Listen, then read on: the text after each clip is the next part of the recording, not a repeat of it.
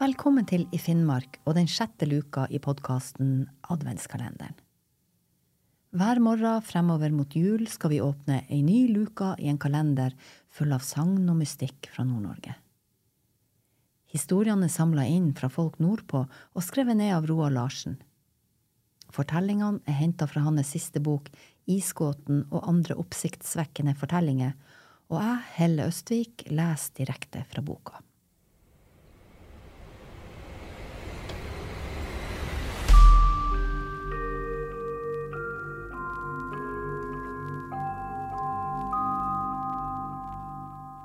Vi åpner adventskalenderens sjette luke med historien Den stygge lyden i Kautokeino. Denne merkelige og skumle hendelsen skjedde rundt 2003. Det hele tar til i et boligfelt i Kautokeino, der en samisk familie nettopp hadde bygd et hus. Sønnen i huset het Håkon Isak og var en ung mann på dette tidspunktet.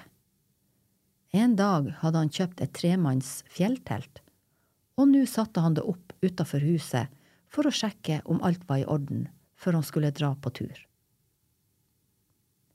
Da Håkon Isak var kommet så langt at han var begynt med å feste teltet med teltpluggene i bakken, kom søstera Inga-Berit ut for å se på. Plutselig hørte de en merkelig og stygg lyd ganske langt borte. Denne ulyden hørtes nesten ut som en mellomting mellom uling og knurring, sjøl om det var vanskelig å forklare den helt presist. De kom da til å tenke på noe som noen folk i bygda hadde fortalt. De her folkene hadde opplevd å høre noe lignende før, og hadde beskrevet vrælet de hørte, som en disharmonisk lyd som var ubehagelig for ørene. Nabokjerringa brukte å si at denne lyden, eller skriket, kunne høres hvert sjuende år. Håkon Isak og Inga Berik tok ikke det her særlig alvorlig, og mente at det trolig bare var skriket til en rev som de nå hørte. For det kan være stygt nok. Særlig det som kalles for gjøying, som er korte, støtvise bjeff som ender i langtrukne skrik, og denne lyden hørtes vanligvis i paringstiden. Søskenparet hadde masse pågangsmot og ungdommelig iver og ville komme til bunns i saken. De hadde en hund med seg og starta å gå mot lyden for å finne ut hva det var for noe. De vandra noen kilometer og var på vei til en plass der det blant annet hadde vært gamle tyske forsvarsstillinger under krigen. På vidda finnes det gamle belte- og hjulspor etter tyske beltevogner og kjøretøy, og de her kjøresporene er brukt som traktorspor etter krigen, fordi det er mer fremkommelig der. Der har folk kjørt traktorer når de dro på fisketurer til diverse vann, på bærtur eller var ute etter å hente ved. Det var også mange som i den første perioden etter krigen var og henta koll på de tyske lagrene, for det var mye koll igjen der etter at krigen var over. Her fantes i tillegg til lasarett et betydelig våpenlager. Søskenparet fulgte de her sporene og kom frem til ei myr. Den måtte de gå rundt for ikke å bli våt. I den myra forsvant naturligvis også sporene, men da de nådde frem til den andre sida, kom sporene til syne igjen der myra slutta. De fortsatte å gå i sporene, og de strakte seg oppover en høy skråning der de tyske stillingene var. Jobbeværet er en høyde på Finnmarksvidda, om lag fem kilometer sørøst for Kautokeino. Det høyeste punktet ligger 453 meter over havet. Under den tyske tilbaketrekkingen fra Nordkalotten høsten 1944 ble det etablert tyske forsvarsstillinger sør for Kautokeino, blant annet på Jobbjærverri. Avdelinga som var stasjonert på Jobbeværi, var en del av Gebirgsjegerbrigade 139. Så begynte Håkon Isak og Inga Berit å gå oppover skråningen opp mot de tyske stillingene. Hva du sier hvis det ropes halt bak oss, sa Håkon Isak til søstera si. Ja, men da sier jeg halt sjøl, sa hun. Like etter at hun hadde sagt det, hørte de noen stemmer bak seg. Men de fikk ikke med seg hva som ble sagt. De tenkte at det var noen som hadde fulgt etter dem og hørt hva de hadde prata om, og nå skulle skremme dem. Det ville Håkon Isak og Inga-Berit finne ut av, så de snudde nedover igjen mot myra. Og mens de gjorde det, ropte de bare kom frem, vi vet dere er der og prøver å skremme oss. Men det var ingen personer å se. Plutselig hørte de en litt underlig lyd på den andre siden av myra. Det var en slags gurglelyd som minte om en type lyd som Håkon Isak og Inga Berit hadde laga da de var barn. De hadde den gang hatt et rør og hadde stukket den ene enden av røret under vann. Når de blåste i den andre enden av røret, kom det en lyd som minte om den de hørte nå, bortsett fra at denne lyden var atskillig høyere så var det akkurat som om den rare lyden flytta på seg og tok til å komme rundt myra i retning der de var.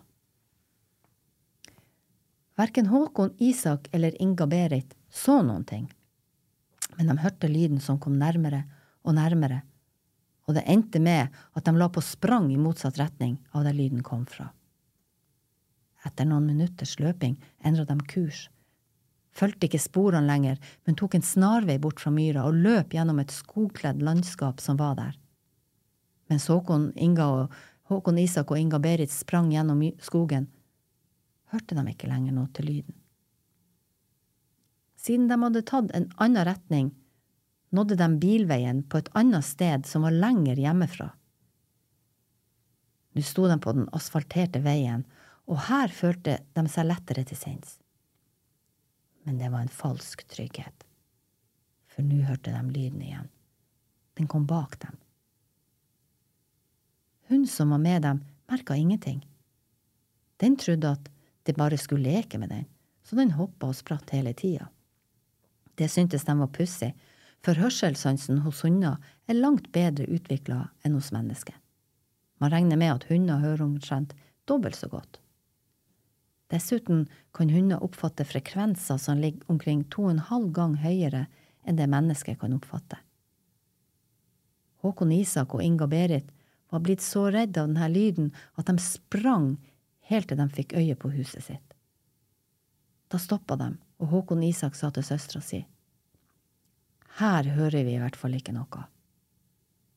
Men akkurat da han hadde sagt det, hørte de lyden igjen og nå var den enda nærmere.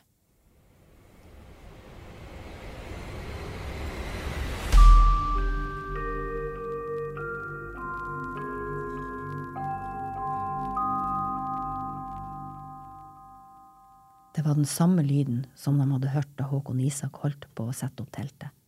Og nå var den mye nærmere og hakket styggere. De la på sprang igjen. De sprang til ei slette utafor hjemmet. Nå følte de seg trygge. Og Håkon Isak sa hit kommer den i hvert fall ikke. Akkurat da han sa det, hørte de lyden igjen. Og nå var de like over dem og fryktelig nær, en veldig skarp og stygg lyd. Da sprang Håkon Isak og Inga-Berit inn i huset, og andpusten fortalte dem mora hva som sto på. Da fikk de en forferdelig kjeft, fordi de hadde vært der og utfordra lyden og ikke tatt den på alvor. Håkon Isak og Inga-Berit hadde bagatellisert situasjonen, ifølge henne, siden de var av den oppfatning at det her bare var å skrike til en rev. Hun mente det var veldig dumt og farlig av dem å utfordre slike ukjente krefter på denne måten. Mora deres var en person som kunne litt av hvert.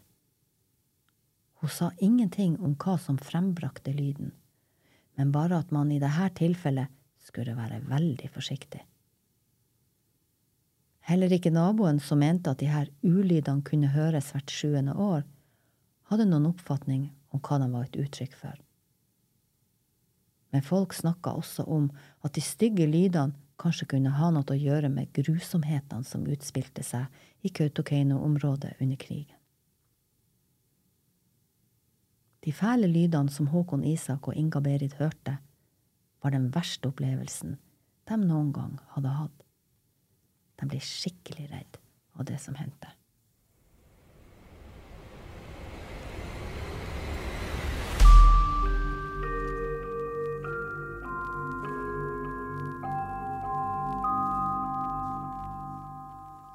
Det var sjette luke i Finnmarks podkast Adventskalenderen.